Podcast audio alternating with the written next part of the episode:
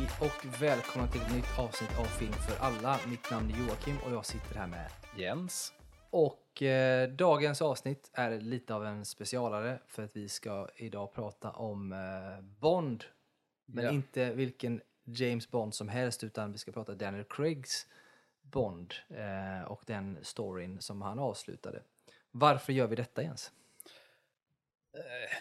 Mest för att det är intressant att eh, se över eh, en Bond-berättelse i sin helhet. För det är ju egentligen den enda Bond-tolkningen vi har, där vi har från början till slut, i stort sett. Eh, det har vi inte i någon annan Bond. Nej, inte på det sättet. Det är ju det som de gjorde så speciellt med Bond och som jag tror att ingen förväntade sig när, när det började, att det skulle bli en, en total ark eh, där man följde en Bond från någon typ av början till ett slut. Utan att man tänkte väl att det skulle göras några filmer precis som vanligt och sen tar någon annan över och fortsätter Ja. som vanligt. Men i och med att man då har gjort en sån här liksom, dramaturgisk ark som sträcker sig över de här filmerna så eh, har ju det lite grann kanske förändrat synen på Bond och vad man kan göra med Bond nästa gång, tänker Ja. jag. Eh, så att, ja, vi får, vi, och det får vi se. Det är väldigt mycket spännande saker som vi har pratat om det innan, men just att det ryktas om att Christopher Nolan skulle spela nästa, eller gör, regissera nästa Bond. Eh, det är i alla fall två filmer och att de skulle utspela sig på den tiden det ska vara, vilket är typ 50-60-tal. Och så ryktas ju fortfarande Aaron Taylor Johnson eh, vara en av, eh, eller vara den som ska spela Bond. Och jag säger att hade, hade det blivit Christopher Nolan i tidsperioden som det ska vara och med, med Aaron Taylor Johnson, då, hade, då är jag lycklig. Alltså, det- hela vägen. Det hade varit så jävla intressant och, och sjukt, sjukt bra, så jag hoppas ju fortfarande på det. Men det, där är vi ju inte ännu, tyvärr. Men eh, vi hoppar väl in direkt och pratar lite allmänt eh, kring filmer. Det finns ju, och det kommer vi komma in på tänker jag, men det finns ju alltså, det är ju en ganska stark eh, filmserie överlag, Ja. eh, får man säga. Sen finns det kanske någon svaghet här, alltså film som är extra svag kanske. Men om vi ska börja från, eh, från början, Början. eh, med den första filmen, ja. bara för att snabbt eh, gå igenom den, det är ju Casino Royale. Yes. Eh, som regisserades av Martin Campbell. Eh, där filmen Nö hade fotot. Och, Ma- och Martin Campbell är ju känd för att ha gjort bland annat Green Lantern. Det är kanske inte en, en så här riktig... Det är kanske inget han vill det är kanske inte man stoltsera vill med. ha, men han har gjort den. Han har också gjort de här Zorro-filmerna med Antonio Banderas. Sen gjorde han Eh. Bond-filmer innan också. Eh, ja, precis. Han har gjort Bond. Med Pierce. eh, Ja, med Pierce Brosnan innan och sånt där. Eh, och filmen Nö, som har haft fotot, han har också gjort Zorro och jobbat med, det är som vanligt. Mm. Regissörer och de jobbar ihop, så han har jobbat mycket med, med Martin Campbell innan. Eh, men den här kom, jag kommer inte ihåg när den kom, 20, 2005. 2005, ja det. Eller 2006 kanske det var. Nej men det stämmer, ja kanske 2006. 2006 känns mer rimligt. Det är kanske så att det kan vara, det är något sånt. Eh, jag minns ju den här som, alltså jag älskar den när den kom, alltså så jävla bra. Eh, för det var någonting nytt eh, och spännande med något, med något bondigt på något sätt. Det var också, för, för man hade ju sett en, en sån här ultra nästan science fiction Bond precis Ja. innan med Pierce Brosnan med vet, osynliga bilar och, och helt makalösa saker som hände. Och helt plötsligt så gjorde man, om man ska kalla det för det, men en jordad Bond där det helt plötsligt inte fanns lika mycket gadgets Ja. på det sättet. Och, ja, jag tyckte det var så uppfriskande och, och en Bond som kändes trolig på många sätt för att och det var ju det här med att han tränade upp sig och skulle vara vältränad som man tycker att man måste vara om man ska vara även gammal militär och, och kunna jobba på det sättet istället för bara se ut som en slashas. Vilket Ja. absolut inte behöver, eh, man behöver absolut inte vara så muskulös för att vara spion tänker jag. Men det gav ändå någonting till det på något sätt. Men det var ju väldigt mycket som var nytt med det. Eh, dels var det ju nytt och mycket skriverier om att Bond nu blev blond och blåögd. Ja, vilket han redan hade varit Jag i och för sig. Men ja, Eh, men också att det var någon form av reboot liksom och att det var liksom Bonds start som 007. Eh, men det var ju också, man märkte ju som du sa förut, man märkte ju inte, eller jag tyckte när man tittade på filmen, man märker ju inte att det är någon form av tanke att så här, nu ska vi berätta en, en story helt och hållet med honom. Utan det känns som att nu vill vi typ göra en ny tolkning av Bond så vi kan fortsätta göra som vi alltid gjort, men Mm, från exakt. scratch typ. Mm. Ehm, men jag kommer också ihåg, alltså jag var ju inte, vid den tiden var inte jag, jag hade ju sett massa Bond-filmer, men jag kan inte påstå att jag var så här jättestort Bond-fan vid den tiden. Men det var nog Casino Royale som fick mig att bli Bond-fan. Mer än vad jag hade varit förut. Mm. Eh, Att, att, jag- att se, för att jag, det var, blev ju väldigt mycket så här jump the shark med Bond mot slutet där med Pierce. Det blev ju för mycket. Ja, alltså jag var ju som sagt, jag har ju alltid älskat Bond och alltid varit en Bond-fan, men jag var ju lite eh, trött på Pierce-eran. Eh, alltså jag tycker att Pierce Brosnan i princip tycker att det finns en av filmerna som han gjorde som fortfarande är bra. Det är första, det är Goldeneye. Goldeneye. Eh, resten blir lite urballade och lite halvdåliga. Eh, och, så. och det blir ju bara mer extremt för varje gång. Och så blev det så mycket, det blir så jävla kommersialiserat också. Det blev så mycket fokus på typ klockorna och att han bytte bil till en BMW Ja. och sådär som skulle göras reklam för. Och det är Ja. som så här, okej, och jag är så här att här är jag ju då konservativ och tycker att för det första ska han inte byta bil utan han ska ha den han alltid haft och sådär och köra det han alltid har gjort. Men det är klart att han kan göra det, men att det blir en stor grej och att den ska vara typ som en huvudroll i en film. Ja. Det är för mig bara, nej, lägg ner. Nej, det blev, ju, det blev ju nästan att eh, Bond blev nästan en satir på sig själv mot slutet. Ja, Men det är väl det som var nice med Casino Royale. Det var ju det här eh, att, att man på något sätt tog karaktären på allvar igen. Ja, men det, Det blev ju en, eh, det, istället för att det blev, för att det som Pierce gör eh, på gott och ont, framförallt i de, i de senare och sådär, men det är att man, och det som alla har gjort egentligen efter, att man började, man tog efter Roger Moore mycket. Det är som från, Mm. från Sean Connery som hade sin, han kunde ju också ha lite one-liners och lite skämt och sådana saker, men då var det ändå mer allvar och sådär. Sen kom Roger Moore in som hade en historia av att vara lite skämtsam och komiker eh, på det sättet. Och sen byggde man vidare på att Bond blev lite mer av en liksom, liksom komedi-action. Och helt plötsligt är man tillbaka på att nu är det en thriller-action Mm. istället. Så att det blev ett allvar i det och en mycket, mycket mer fysisk Bond. Eh, som verkligen visar att han är livsfarlig på något sätt. Så det blir ju troligt på ett annat sätt när Derek Craig gjorde det. Jag tycker också att, att Casino Royale eh, tycker jag är intressant också från just det perspektivet att eftersom regissören då, Martin vad heter han, Campbell, Campbell. att han hade gjort Bond med Pierce innan tycker jag är väldigt fascinerande att se hur annorlunda Bondfilm han gör utifrån liksom vad manus är och vad, vad tanken är. Man ser att det, det, det är två helt man hade inte kunnat gissa att det var samma regissör egentligen. Nej, nej, nej. nej, nej. Eh, vilket visar hur, hur, hur, hur långt bort Bond hade hamnat på något sätt i, i filmvärlden, om man säger, innan Casino släpptes. Sen var det intressant att den just heter Casino Royale, tyckte jag, eftersom det finns redan en Casino Royale Bond-film som inte är en Bond-film. Det är en Bond-film, men det inte, tillhör ju inte rätt Bond. Nej, och den är väl Den är amerikansk. separat för att det var andra, det var ju andra Ja. produktionsbolag och andra rättigheter och massa konstigheter. Ja, det, ja precis. Eh, och sen är den ju... Alltså Casino Royale är ju egentligen grunden till... Eller grunden till, men... Jag tror att det är så att, att, eh, att i Hennes Majestäts Hemliga Tjänst med George Lazenby Mm. är liksom Casino Royale. Fast det är Ja, omskriven. mig- ja, Ja, men att det är mig, så. ja. Så att det är liksom samma story kan man säga. Men de skiljer sig åt lite grann. Så man liksom gjort det på ett annat sätt då. Eh, och, och den sägs ju, alltså, eh, Hennes Majestäts Hemliga Tjänst är ju en av de bättre Bondfilmerna. Även om George Lazenby bara gjorde en Mm. så är den fortfarande rätt bra. Eh, och sådär.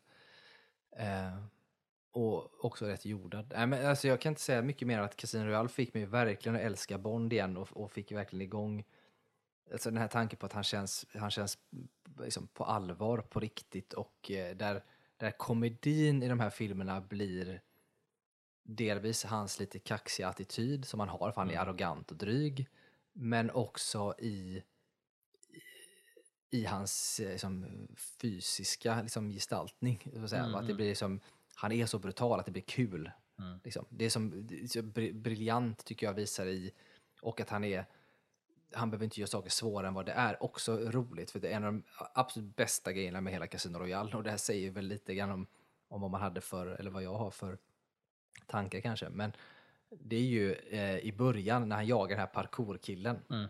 Och den här parkourkillen hoppar runt snyggt över någonting så här. Och Bond han springer igenom en vägg istället för det är enklare än att hålla på sådär. Och det tycker jag eh, sätter så mycket ton för vem den Bond är. Mm. Det vill säga att varför ska han hålla på och krångla upp och ner och hålla på med det där när han bara kan dra igenom den jävla väggen istället. Ja, och även att det visar att det här är en Bond som inte alltid tänker på konsekvenserna. Ehm, för att, att springa igenom en vägg är ju kanske inte, det kanske går snabbt, men det kanske inte lönar sig efter ett tag, det sliter ju på en. Ja, det gör det ju på, på det sättet. Så han, han liksom tänker inte, han tänker, han är väldigt målmedveten för här och nu, den Bond. Speciellt i Casino Royale. Det, han, det som är nu för honom, det är det han, han ser inget annat. Nej, och det där är ju lite klassiskt eh, och det tycker jag också är väldigt bra för det signalerar också klassiskt alltså militärtänk. Mm. Det vill säga att där du är här och nu, det är det som ska lösas. Du kan liksom inte tänka på vad som händer sen utan det är typ överlevnad eller få fast det man ska alltså som gäller först och främst. Och hela, hela den biten med den scenen han jagar honom och sen får tag på honom, alla de här bitarna signalerar så mycket om vem den här nya Bond kommer att vara. Sen Eh, älskar jag också, jag gillar jag ju också att, att Casino Royale är mer, liksom, är mer känslomässigt grundad film. Alltså att man, man behandlar Bond som en, en person som också känner. Mm. Han är människa. För att jag gillar den här eh, relationen han har med eh, Vesper. Vesper. Lind, ja, Eva Eh, Grens karaktär. Ja. Och, och jag gillar det här. En av mina favoritscener i hela filmen är efter att eh, hon har sett där eh, vålds... Ja, hon sitter i duschen Hon och sitter i duschen, han kommer in och sätter sig bredvid henne liksom i kläder. Och eh, slickar av blodet som inte är där från hennes fingrar. Liksom. Det är en av de finaste typ scenerna. Någon Bondfilm typ. Eh, som jag tycker är, är jävligt bra och, och visar, säger så mycket om Bond. Vem den Bond är.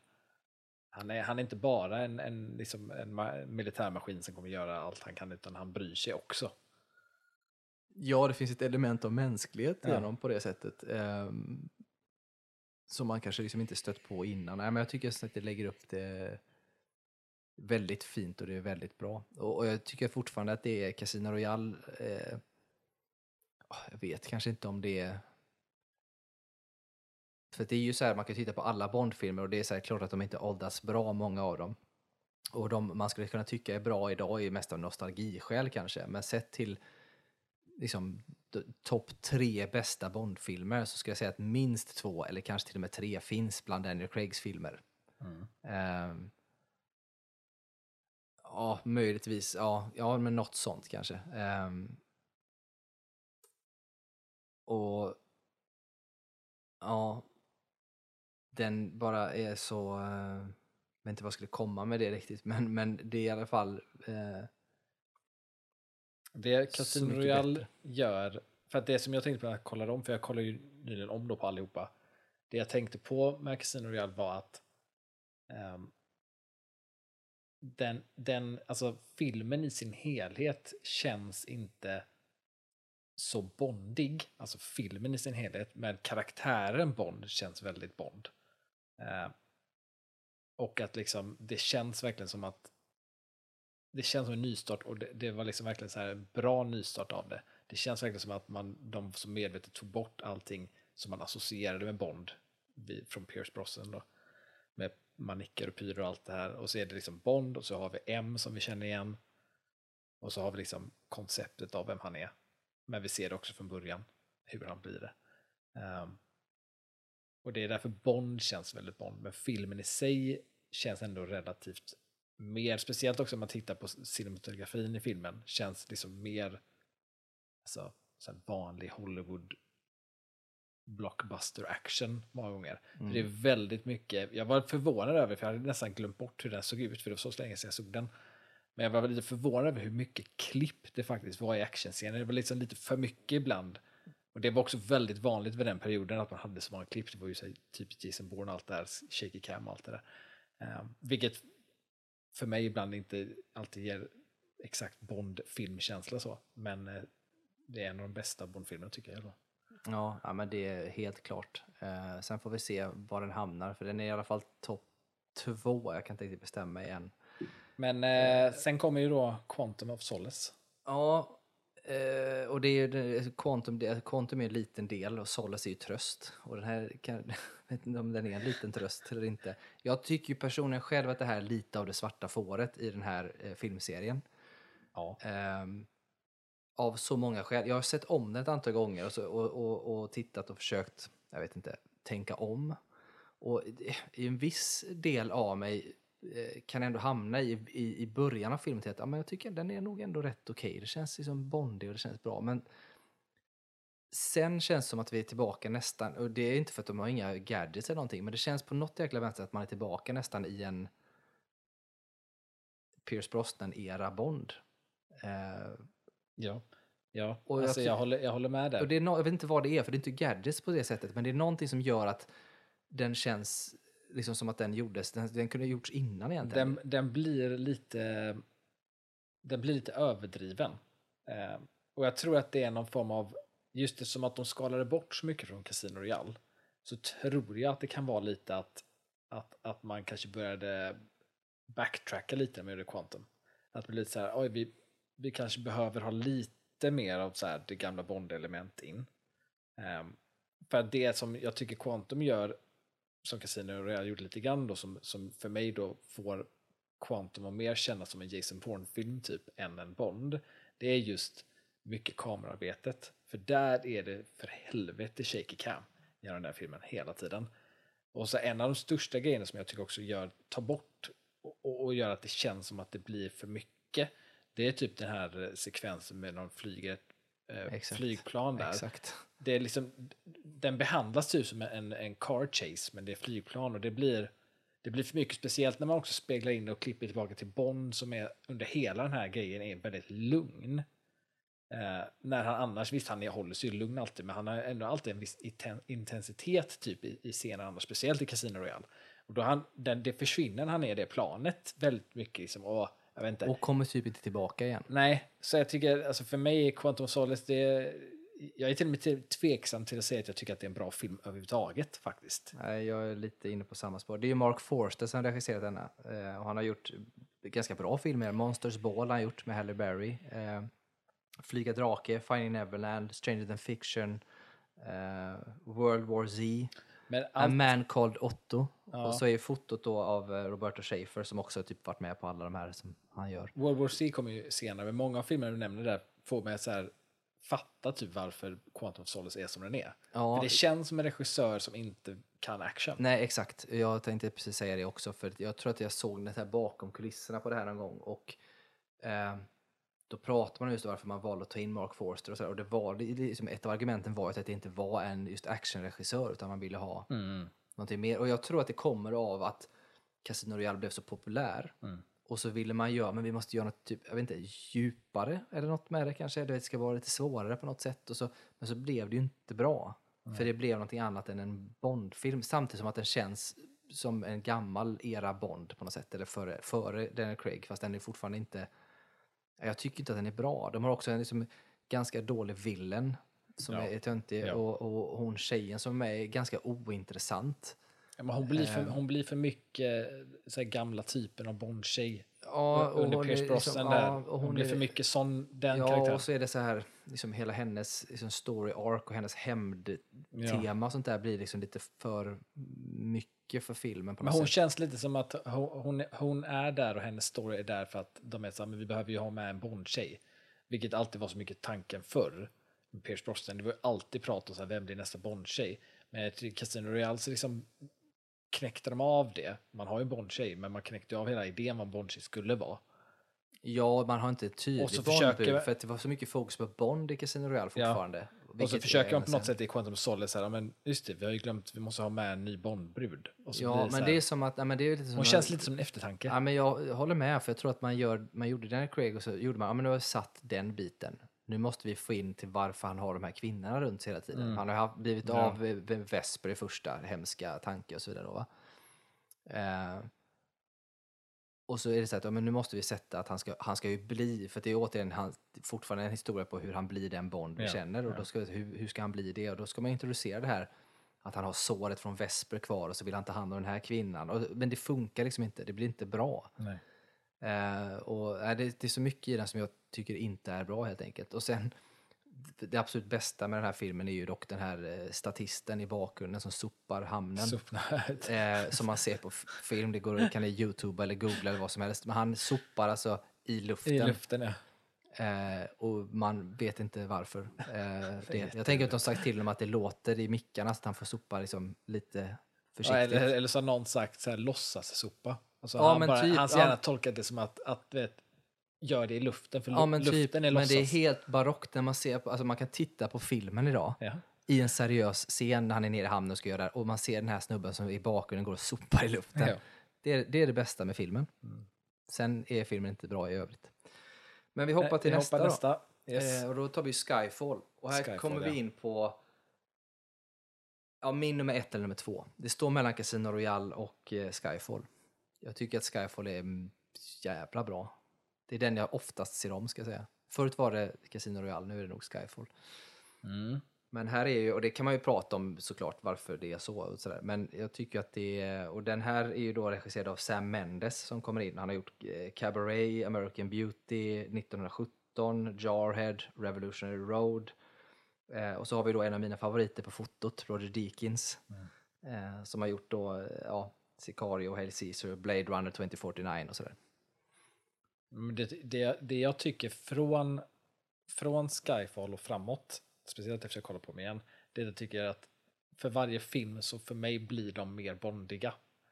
Eh, eh, och jag tycker Skyfall är, är en riktigt bra film. Jag tycker den känns känns på något sätt som man tar de bästa delarna från Casino Royale och bygger vidare.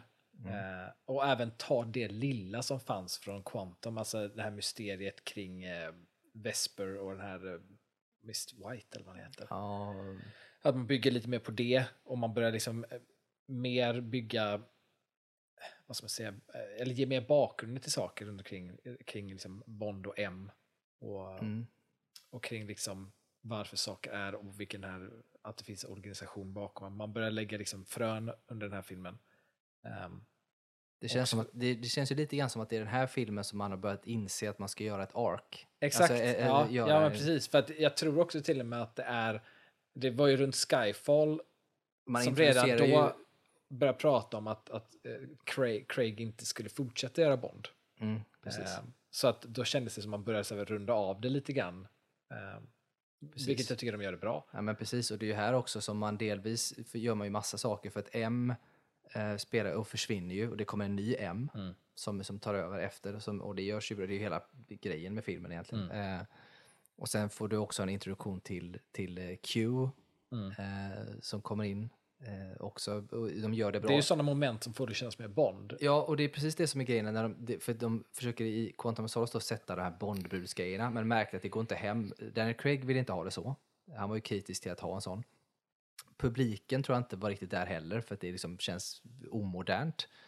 Men då väljer man istället att göra lite twists på M och man gör lite twists på en Q och Mm. får in det, men ändå gör lite så här små blinkningar, charmiga blinkningar till att man fortfarande inte vill ha en Pierce Brosnan-variant. För när han får, han får en, en pistol av Q Mm. och någon liten grej så här, och så säger ju Q att ja, det är inte så mycket saker, alltså så här Mhm. gadgets som man tror, utan det är bara det här vanliga. Liksom. Och då ändå en liksom charm Ja. med att man, man flörtar med att vi har inte science fiction utan vi har liksom Ja. på riktigt på sätt. Jag tycker också Skyfall, det, det Skyfall gör så bra är att på något sätt, alltså dels är det ju hela relationen mellan Bond och M, är ju väldigt fin, och även med Silva heter han va? Ja, Javier. Bardems karaktär. Ja. Som är en, en av de bästa Bond-villains i Craig-eran. Mm. Eh, men den, Skyfall är ju väldigt känslomässig film med mycket känsloconnections mellan karaktärer och förklara varför folk känner som de gör för varandra.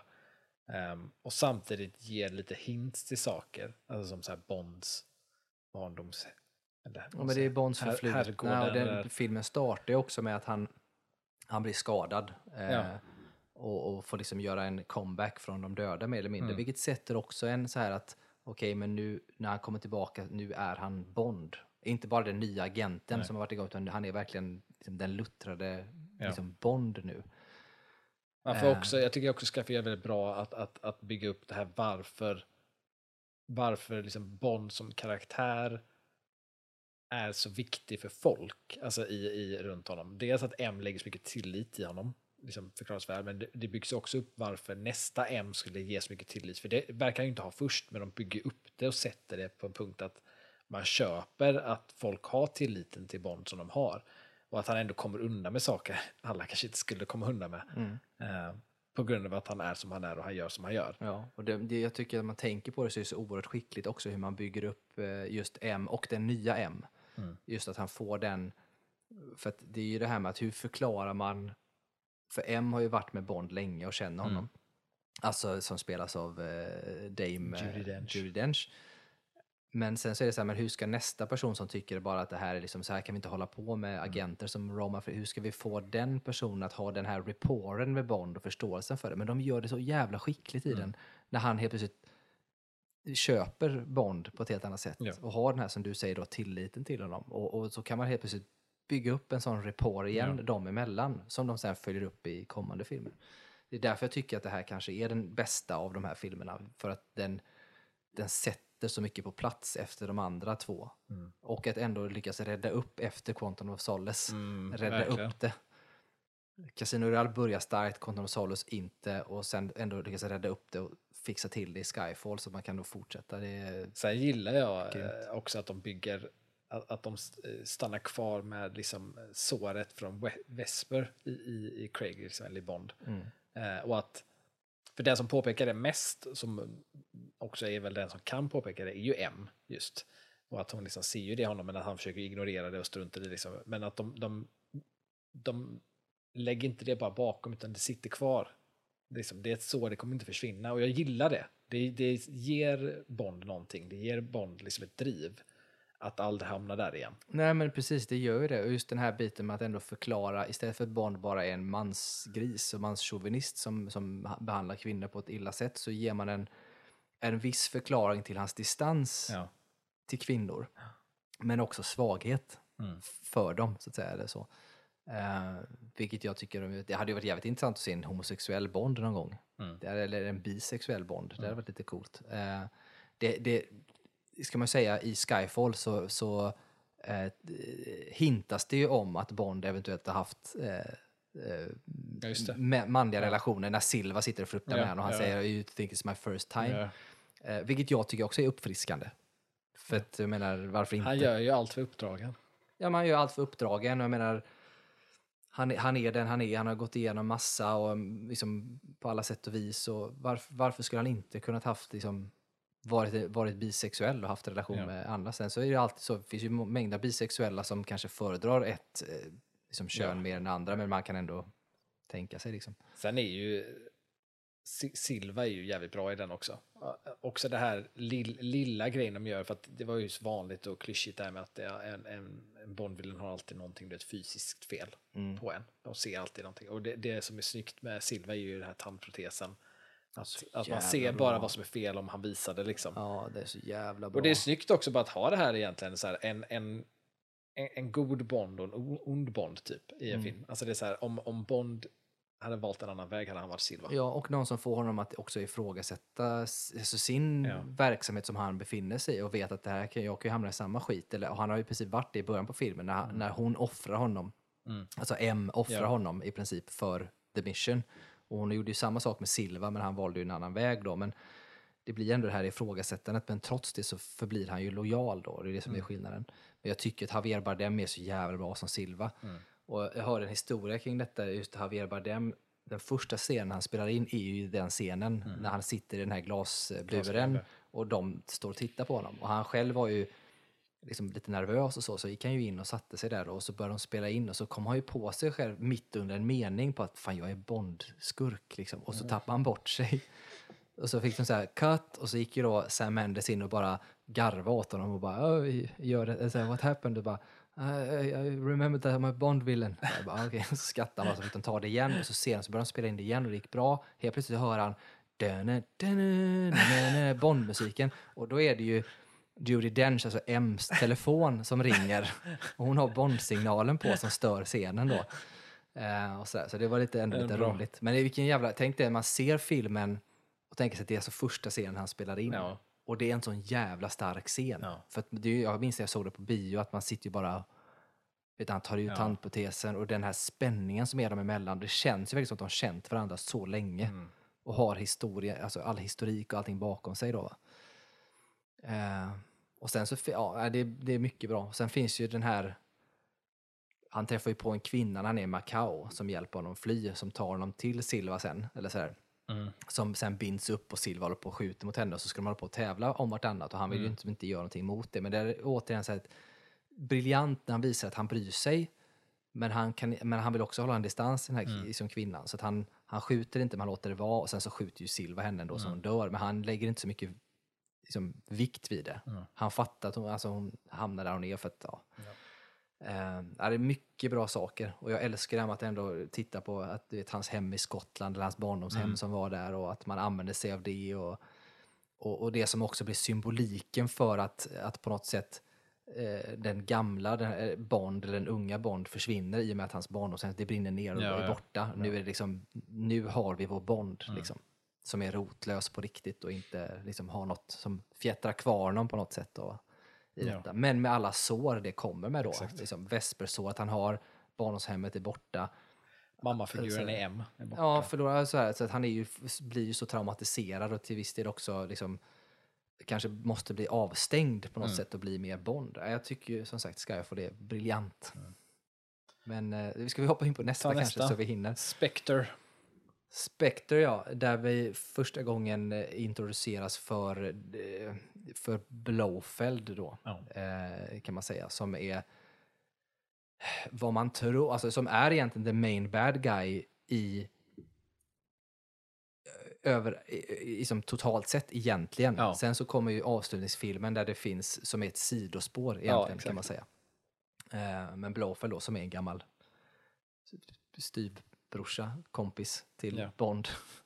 Men det, jag tycker, alltså, det som jag också tycker, det Spectre är bra som jag tycker Skyfall är bra också, det här att, att, att bygga vidare på det som var bra. Ja, ja men den, den bygger vidare på det bra och den, återigen så den känns ju också bondig. Den känns Bond, det, är också så här, där kommer också ytterligare element in, alltså man har ju då Da- David Bautista där som, som, en... en, eh, en, en liksom henchman. Ja, som vi, som- vi har inte haft den, den typen av henchmen än egentligen. Nej, utan den, den som man närmast... Alltså det är som man hade för man hade Jaws förut och man hade eh, han med den här hatten som Ja. man kan kasta till exempel. Det här är liksom en variant på en av dem, en sån Ja. berg. Han, han har sina de här naglarna då som man eh, kan Ja, trycka in brutalt jävla stor. eh, och sådär. Eh, och just att du har det här hemliga sällskapet och sånt då. Ja. Och vi har ju aldrig sett, vad jag minns i alla fall från de gamla filmerna, en Bond som är på ett möte där de här bad Nej, guysen den sitter. scenen är jävligt bra. Utan det är han ju i den här filmen, han faktiskt dyker upp Ja. och är på ett sånt möte. Eh, Jag tycker också Spectre gör, gör det väldigt bra den filmen, här att de, de Spectre kopplar ihop alla grejerna eh, från tidigare filmerna, alltså och sätter allting under samma paraply. Mm. Eh, på ett sätt som jag tycker liksom känns bra och, Mm. och är intressant. Ja, men jag håller med. Jag tycker att man, gör, man tar väldigt många element och, och man tar upp alla de här sakerna man satt i Skyfall, sätter det här nu, tar in lite fler element Mm. igen med liksom Blowfeld, en ytterligare en sån här riktig henchman Typ. bad guy ja, som är med. Eh, liksom up the stakes, man introducerar en, en ny eh, kvinnlig karaktär Ja. som för, som för första gången kanske kan typ på något sätt ändå läka liksom såret av Mm. Vesper Lind, som också har en koppling till alltihop. Ja. Eh, som han först inte alls har den, utan han är mer så att jag måste ha henne för att jag måste ha information och hjälp. ja, exakt. Men sen så växer det ju Ja. ihop på något sätt i detta. Och sen att de har så här, vet, klassiska saker som att man åker till en, en varm plats och att han har en liksom, smoking på sig. Ja. Alltså bara sådana här saker som och på tåg och vet alla Och de så är här. det li, lite mer Q-prylar. Ja, Eh, precis. Moneypenny är med mer. Hon introducerar sig bara innan.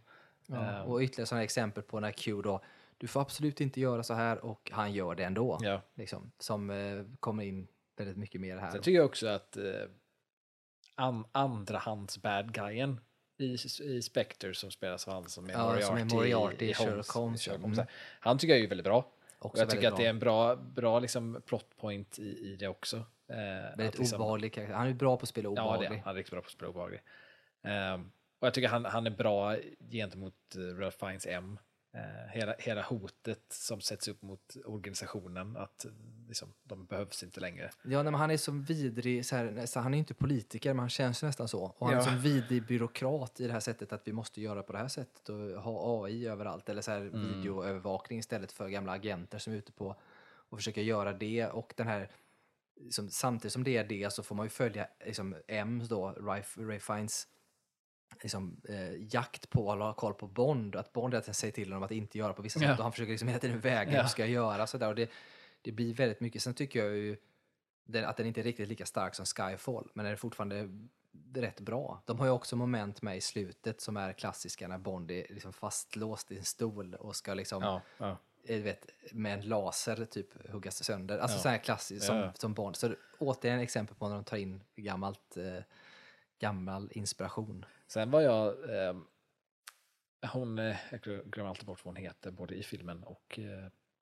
Skådespelerskan, hon som spelar, eh, alltså Lea Seydoux, ja exakt. ja, heter Ja. skådespelerskan. Eh, för hon, eh, jag tyckte att, att, att hon var väldigt, eller de två har väldigt bra kemi. Ja. Eh, och jag tycker jag köper totalt att, att, han, att han börjar släppa in henne. Eh, gentemot vad han, att han har varit avstängd innan. Alltså för Ja, att nej, innan men- har man varit så här, han kommer inte, kommer inte göra det, ingen. Och jag var ju så, jag tyckte eh, Vesper, hade, de hade också så himla bra kemi. Så jag hade så himla, när jag såg filmen så var jag så här, liksom, det är imponerande att man hittar någon som får det kännas så naturligt och inte ifrågasätter att han blir intresserad på det sättet som han blir. Ja, nej men precis. Nej, men jag håller med. Jag tycker att det som hon gör, och det är st- styrkan i henne som skådespelerska, för hon har ju haft, en, hon har ju haft ganska många roller där hon spelat klassisk så här, förförerska. Eh, som män liksom, blir förälskade i och så vidare. Då? Och det som är grejen med, med Vesper, då, Eva Grens karaktär, är ju att hon är ju hon är ju på ett uppdrag att, att förföra Bond och, Ja. och göra som hon gör, och så, fast hon inte vill och så gör Ja. hon i alla fall. Här är det ju snarare, och det här som Lea Seydoux har med sig, att hon har, trots att hon kan då vara kompetent, för det visar sig att hennes pappa är ju Mr. Mm. White, liksom, så att hon tillhör ju allt det här i organisationen, så de är ju jämbördiga på det sättet att båda tillhör, alltså både Bond och hon är ju en del av den undre världen på något sätt Ja. i detta, men vill någonting annat och har sår med sig av Ja. saker som har hänt. Men att hon också eh, har, så att hon är tuff på det sättet, men hon har en, en, en sårbarhet i sig som gör att Bond inte kan annat än att typ släppa efter på något Ja. sätt. Eh, för att han, han kan inte komma undan med behandlaren hur som helst, för det skulle hon inte ta. Och samtidigt så är hon liksom så öppen att det blir så lätt för honom att bara falla för henne. Typ. Och Jag tror också att, eller när jag såg är nu så känns det som briljant casting ska Ja, jag säga. att, och Eh, det på känns väldigt mycket som att, att karaktären Bond hittar någon, eller de båda två, de hittar varandra i att, att de kan bara få vara. Alltså de har sitt förflutna, de, de ser varandra eh, Eh, och att de behöver liksom inte, det är inga förklaringar. Det, är liksom inga, det behöver inte vara någonting så här hemligheter kring det. Han behöver inte låtsas vara någon annan. Hon vet vem han är. Eh, och, och det blir liksom det- att, att det går från ett, ett mission till någonting mer. Eh, och att, att hon heller inte går runt och typ förväntar sig så här, oh, nu, nu ska vi typ leva ett liv tillsammans. Utan hon är ju, det är hon som i slutet där säger att, liksom, när de ska gå in i den här byggnaden, liksom slutsekvensen, det är hon som backar och säger typ, jag kan inte vara en del av det. Ehm, och att han liksom är så här, ja, jag fattar. Alltså att det, det, de på något sätt har den respekten för hans val. Ja, och jag tycker att det är så bra. Och sen så är det också ett, det hade kanske inte varit så, för det är också en så här briljant sak egentligen, att Mr. White, han skjuter ju sig själv i den här. Ja. Men han, det sista han gör är ju att be honom att ta hand om henne i princip, Ja. eller skydda henne, vilket gör att, och han, att han inte har ett val. Återigen hans plikttrogenhet och det här, men han har liksom inget val. I annat fall så kanske han hade varit en sån här slit och släng på något sätt då, men i och med att han har lovat det Ja. så måste han ju, och då tvingas han ju in i det och då blir det så svårt för honom att hålla emot det sen på något sätt då, för de delar ett visst trauma tillsammans och sådär. Det är också det jag tycker är, så, är bra med hennes de, Det är mycket saker i Spectre som känns som att det kommer gå det klyschiga hållet, men det gör det inte. Nej. Det är samma sak i den scenen när de visar upp eh, videon på när han skjuter sig själv, hennes pappa, och Bond är där. Det, det, det lutar nästan mot att man, man förväntar sig att nu kommer hon hata Bond. Men det gör hon ju inte. Utan hon vet ju att det liksom ligger inte på Bond egentligen. Och hela den sekvensen och den scenen tycker jag är så jävla stark. Alltså när han, när han säger titta inte på det, titta inte på det. Men han gör ju inte för att han inte vill dölja någonting. Han, hon vet ju redan att han var där. Det är ju för hennes skull. Mm. Se inte din pappa dö. Och jag älskar att hon vänder sig bort i sista sekunden. Mm. Och faktiskt inte tittar på det. Ja, jag tycker att det är skitbra. Och sen Nej, tycker den- jag, är han som spelar eh, Blowfield. Tycker jag, jag tycker alltså många är kritiska till honom. Och många är kritiska till, till den karaktären. Eh, i, I den här nya tolkningen. Men jag tycker, jag gillar honom. Och jag gillar den Blowfield. Jag gillar hela den grejen. Jag vet, Ja, inte, varför. alltså- jag vet inte riktigt varför folk är så kritiska Nej, det till vet det. inte jag heller. Alltså det är ju han... Eh, eh, som spelar i... Eh, Inglourious Basterds. ja, men Inglourious Basterds med den obehagliga nazisten och så Ja. spelar han ju i Kick-Ass, är det va? Ja, det är det. Han spelar Kick-Ass, spelar han ju... Django är han ju med i. Nej, inte Kick-Ass, han spelar i... Han spelar Django, han spelar i Inglourious Basterds i alla fall. Det är väl de som man mest känner till, eh, till honom ifrån. Nej, tysk skådespelerska.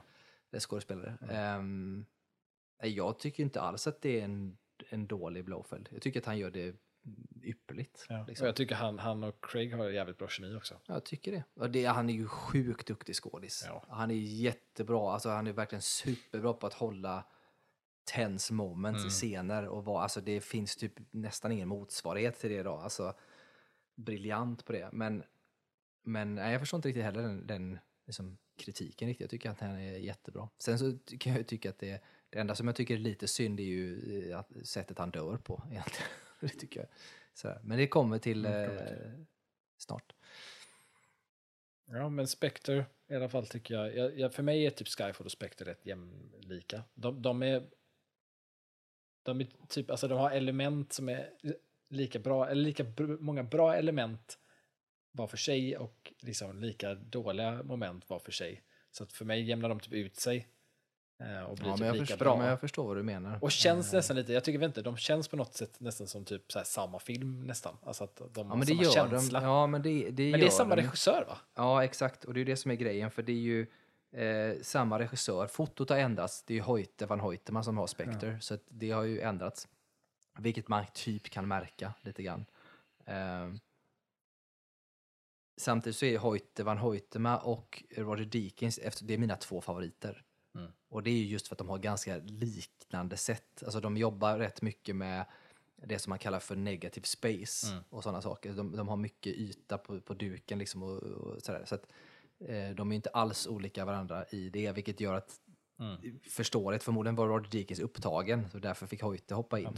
Ehm, men det är ju samma regissör, vilket gör att det känns verkligen som, som samma typ, Ja, samma film han, i sätter, princip. han sätter upp saker i Skyfall som han liksom poängterar i Spectre och, och liksom får en payoff i Spectre. Ja, och de- för de två känns verkligen som att de, det är samma regissör. Det, Mm. det märker man. Det är, som, det är typ samma stuk, samma allt, allt sådär. Ja, sen kommer vi då till No. den sista då, No time to die. Ja. Där man då följer upp, där de här lever lite lyckliga då eh, ett tag. ja, Förstår man av början av filmen. precis. Eh, ja, alltså jag tycker att den, den eh, öppningssekvensen i No time to die är nog en av mina favoritöppningssekvenser någonsin i en Bondfilm. Ehm, jag, jag gillar, det är så brutalt på något sätt. De är så, de är så himla, alltså dels, och jag pratar, då pratar jag inte om, om, om eh, hennes barndomsgrej. Nej, utan du Utan pratar, jag pratar om, om, i, stan Bond där. och eh, henne i stan. Ehm, hur, hur, liksom, hur, hur de har hittat varandra, de är lyckliga, allt är glatt liksom sådär. Och han, han sen, hon, liksom, han har börjat kunna så här liksom lägga Vesper bakom sig. Han har liksom gjort den här resan, vi har sett han är från film 1 till, blir det 5 då? Ja, och när hon då till och med för att liksom verkligen hjälpa honom, de, de hjälper att läka varandra, Ja. säger till honom att besöka hennes Ja, grav Ja. för att verkligen lägga allting bakom sig. Och han åker dit och är redo och allt det här, de ska move on och så exploderar det. Och det blir en galenhet och han, han kan ju inte annat än att se att hon har lurat honom. Han vet ju inte, han antar, det pekar ju mot det liksom. Eh, han har varit med om det förut med Vesper. Så att den, den sekvensen då, så när han sätter henne på tåget där och han stänger och titelmusiken kommer igång. Jag tycker att det är så jävla bra. Jag tycker det är så jävla för man märker alltså, han, där, det har skadat honom. Det där, det har skadat honom otroligt vad som har hänt där. Ja, Inte men- fysiskt utan psykologiskt. Ja, där, nej, alltså. men jag håller med. Han Det, är det, det, tycker jag man märker redan efter explosionen när man ser att han liksom Ja. vaknar till och tittar upp så ser man, och det är svårt att förklara, det är mycket som filmen i sig och kanske inte nödvändigtvis bara skådespelarna som är jä- jävligt bra utan någonting som regissören gör och som bygger upp, man får känslan av att någonting har gått sönder i honom Mm, redan där. Ja. Men ändå vill han också skydda henne. Ja, men det var ju som med Vesper, han visste ju att hon hade gjort någonting illa, men han ville ändå rädda henne. Och det är samma sak här. Mm. Att på något sätt så vet jag att de har förrått honom, men på något sätt så är ju kärleken ändå äkta, även Mm. om den är falsk från någon annan, eller så att Ja. säga då va. Och jag, jag håller med om att den är Sen är ju den bra. sekvensen också så jävla mycket mer eh, slag i hjärtat när man vet, får reda på att eh, hon har ett barn också, det är det hon har tänkt säga. När man, när man vet det också i konte kontext till den sekvensen så är det bara ännu mer så hemskt. Liksom. Ja, det, det, det är ju hemskt det som, som kommer fram senare i filmen. Eh, och, det där. och det är just det som gör att hela filmen, liksom, slutet alltihop, känns ju brutalt. Liksom. Alltså för No time to die, jag tror att det är nog min absoluta favorit Bond-film. Ehm, och jag tror att det, det bygger så mycket i att, i att den är så smärtsam för Bond, hela den filmen. Och jag tycker Danny Craig gör så jävla bra jobb i den filmen.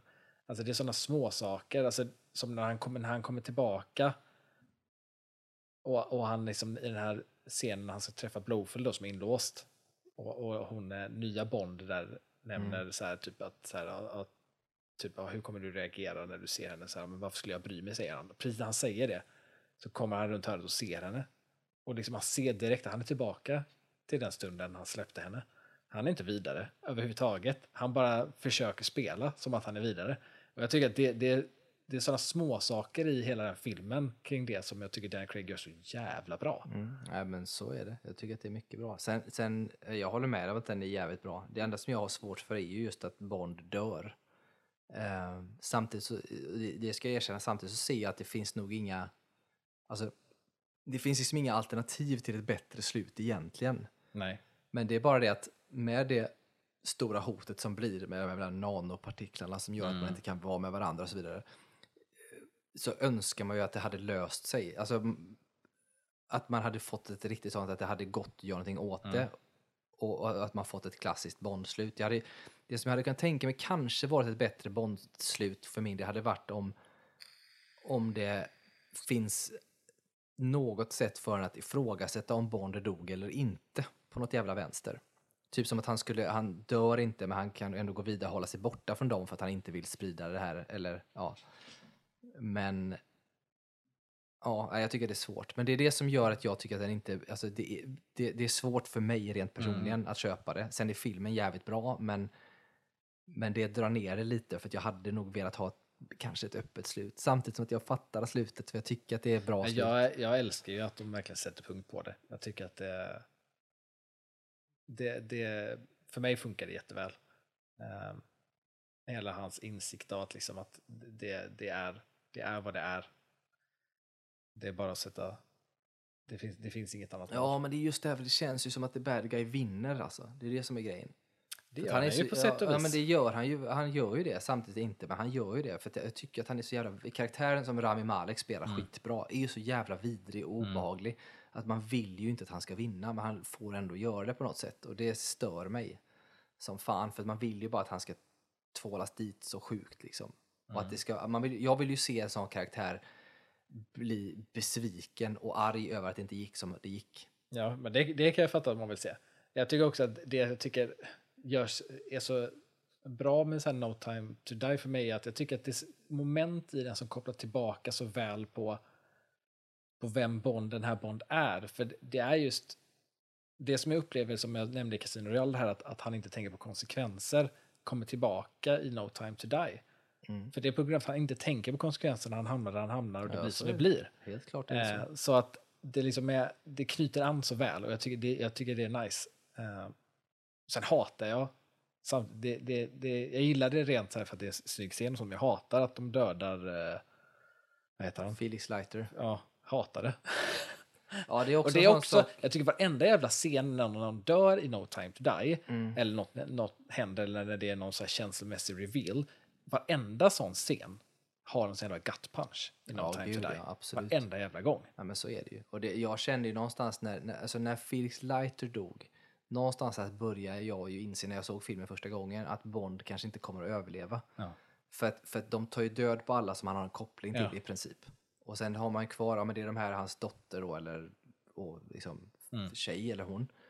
Eh, och det är de kvar. Och antingen är det de eller så är det han. Alltså, och, så att, ja, det är hemskt. Det jag också gillar med att, att man faktiskt väljer att ta död på Bond, det är ju just Eftersom att när det är action, det är inte bara Bond, utan det är ju eh, så här, ofta actionserier i allmänhet, så är det ju så här att man behöver ju aldrig oroa sig för att hjälten dör.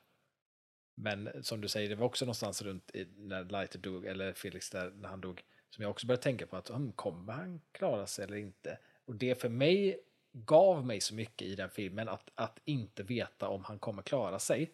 För i alla andra Bondfilmer så har jag vetat att han klarar sig. Så att det är liksom inte riktigt någonting där. Och jag tror också att det kan ge en, göra så nästa Bondfilmer bättre också. Att nu har vi satt en grej att vi kan inte alltid veta om han är säker beror ju på vad man gör med dem. Ska man göra det liksom mer troligt som det var förr, alltså om man som Nolan skulle göra som utspelar för 50-60, då kommer han förmodligen inte att dö. Alltså så, det, så kommer det vara. Men jag, jag håller med om att det kan ge en, en, en liten mer edge till, till filmer överhuvudtaget. Och man gör som sagt någonting, någonting nytt. Samtidigt så tänker jag att jag tror det kommer dröja ett tag igen innan vi ser en Bond som dör. Ja, ja. Eh, för det har liksom ja, ja, gjorts, det, här, det är Ja, ja. väldigt unikt och speciellt att man har gjort det på det här sättet som är nu. Och den här Daniel Craigs Bond liksom, på de här fem filmerna är ju, är ju något unikt i Bond-historien, någonting som man inte bara gör om. Nej. Eh, och att börja ta död på Bond, är liksom inte riktigt, jag tror inte att det är riktigt vägen för Bond framåt. Nej. Eh, men det är som sagt, Bond har ju gått i många jävla år, så att jag menar, vi kan ju ha 20, om 20-30 år kanske vi har en liknande stins på något sätt. Med någon s- som är då kanske runt fem år gammal idag, som spelar, spelar en Bond som kanske får dö. Sen jag, jag gillar ju ehm, hur, hur Blofeld dör. Att han dör som han dör. Alltså att han dör via, Via sin brors proxy. hand. Liksom. Via, via proxy. Ja. Fastän att han inte vet att han gör det. Eh, för jag Jag tycker att gillar den, ju den se- sekvensen är så jävla nice. Jag gillar ju, alltså jag gillar det också ska jag säga, jag tycker att det är ett bra sätt, men det är lite så här återigen så är det så här blow, återigen man hade velat ha en, en mer payoff på att han dör. För man får inte ens se när han dör.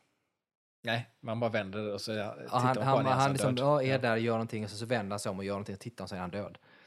Eh, och återigen så är det, fast det är mer på Rami Maleks karaktär, man hade velat se en besvikelse eller en upprördhet över det. Men det får man inte se med Blowfeld heller, utan han bara är där. Mm. Så det är väldigt mycket så här, och det är bra, känslomässigt är det ju bra, för du får ingen payoff någon gång egentligen som, som du vill ha och det sätter sig ju i en Mm. på, ett, på ett negativt fast på ett bra sätt. Liksom.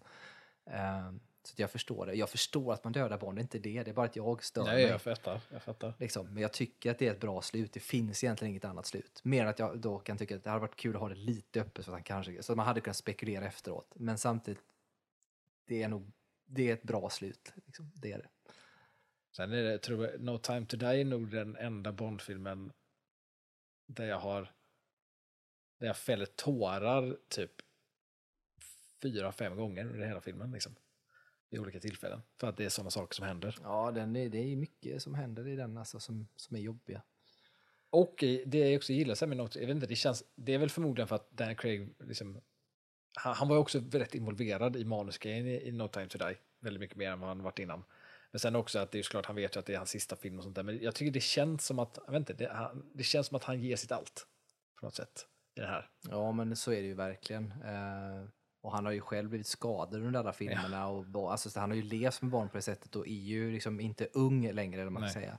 Och det märks ju också i karaktären och alltihop. Jag skulle säga att det blev, var ju massa rabalder kring vem som skulle regissera. Nu blev det ju han då, Cary Fukunaga. Eh, eller Fukunaga. Som är ett som gjorde den då, som eh, gjort den. Och så är det ju faktiskt Linus Sandgren som är Director of Photography eh, på den. Också en svensk. Hoyt är ju svensk och även Linus då. Det är bra. Och sen så är det väl om man ska titta på Bond, alltså teman, för där ska jag säga att så jävla bra Bond-teman också hela vägen igenom. Alltså inte temat utan film, Filmmusiktemat. int, introt liksom till alla de här Intromusiken. ja, intromusikerna. Jag tänkte det, vi skulle gå igenom eh, vilka som var bäst. Ja, ja, men då, och där är det liksom, det, alltså där är ju liksom i princip alla är ju skitbra. I- Till och med Quantum of Solace är ju liksom bra i det. ja, alltså jag tycker att den är, den är, den är bra, men den känns inte så bondig. Det är någonting med den, den som inte känns så, jag vet inte vad det är riktigt. Ja, Jag tycker att den känns rätt bondig. Jag tycker att alla, alla är väldigt bra tycker jag. Sen är det nog, ah, fan det är så jävla svårt. Alltså det är så jävla svårt att säga för att jag tycker att det, alla har sitt på något sätt. Men, men om man ska sätta en, för jag kan inte, de andra är typ nästan lika bra, kanske lite här och var. Men det finns en som är den absolut bästa och det är nog i No Time To Die tror jag. Det är Ja, Bi- ja. Billie Eilish. Ja, jag kan rätt enkelt för mig själv ratea dem och det, det är eh, nummer ett är No time to die med Billie Eilish. Eh, nummer två för mig är eh, Spectre då. Men vad heter han nu som sjunger? Sam, S- Sam eh, Smith. Sam Smith, den tycker jag är nummer två. Sen tycker jag att det är Casino Royals, eh, Chris Cornells där eh, Mm. eh, tema. Sen tycker jag att det är Adele's Skyfall och sist är det Quantum of Solace med Jack White där. Mm.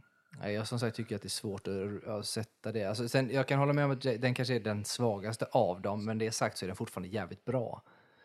Eh, ändå. Sen är jag nog lite grann så tänker Skyfall ändå, den, är, den, jag vet inte, den har vuxit och blivit så jävla ikonisk, så jag undrar om inte den liksom, för mig skulle hamna högre upp.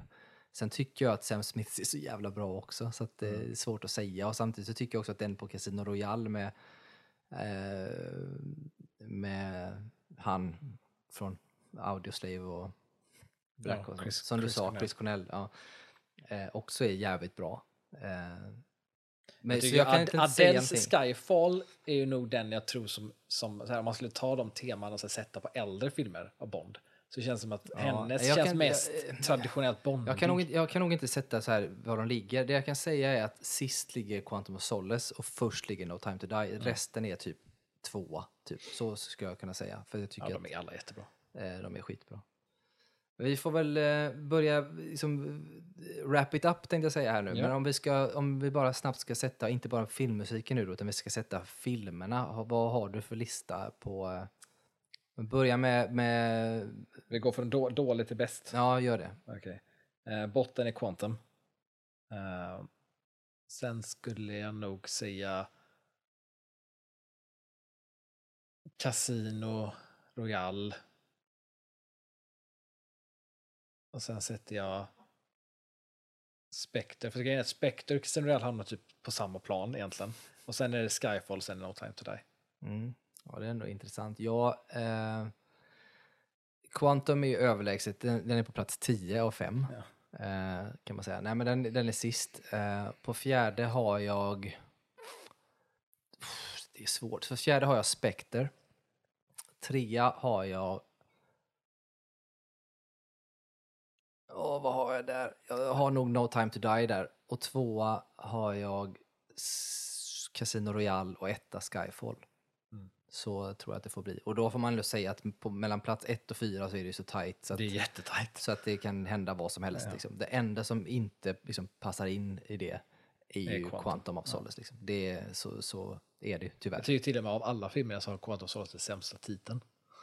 Ja, det är det också. Det, jag tycker att titeln är, ja, den är bara dålig Mm. också. Alltså så här, Quantum of Solace, en klen tröst typ, eller en liten tröst. Alltså det, ja, jag vet inte. Jag tycker väl att den, det, återigen, Quantum of Solace, den känns som en eh, Pierce Brosnan-titel Mm, på en av hans, som han skulle kunna göra. Ja. Och de tycker jag inte är så bra. Goldeneye är bra, Mm. resten är nej. Nej, men det får väl vara allt för den här gången, tänker jag. Nu har vi gått igenom en jäkla massa Bond-snack. Ehm, och det finns ju säkert all anledning att återvända någon gång till Bond. ehm, Jo. I större drag. Kanske ta en topp 10-lista på Bond-filmer. Ja, det finns ju många att välja. Där vi inte får välja Daniel Craigs. Precis, då får vi bortse från dem ja. Ja, eh, tänker det, för att annars blir det liksom en topp 10-lista med fyra ja exakt. på, som jag redan vet. Så jag tänker Ja. man kanske ska ta bort eh, och köra de andra. Men, men, eh, vi kör på det. Ja, vi tackar helt enkelt för denna gången också och att ni lyssnat och så får ni väl ja, höras nästa vecka. Så att, ha det så fint. Ha det bra.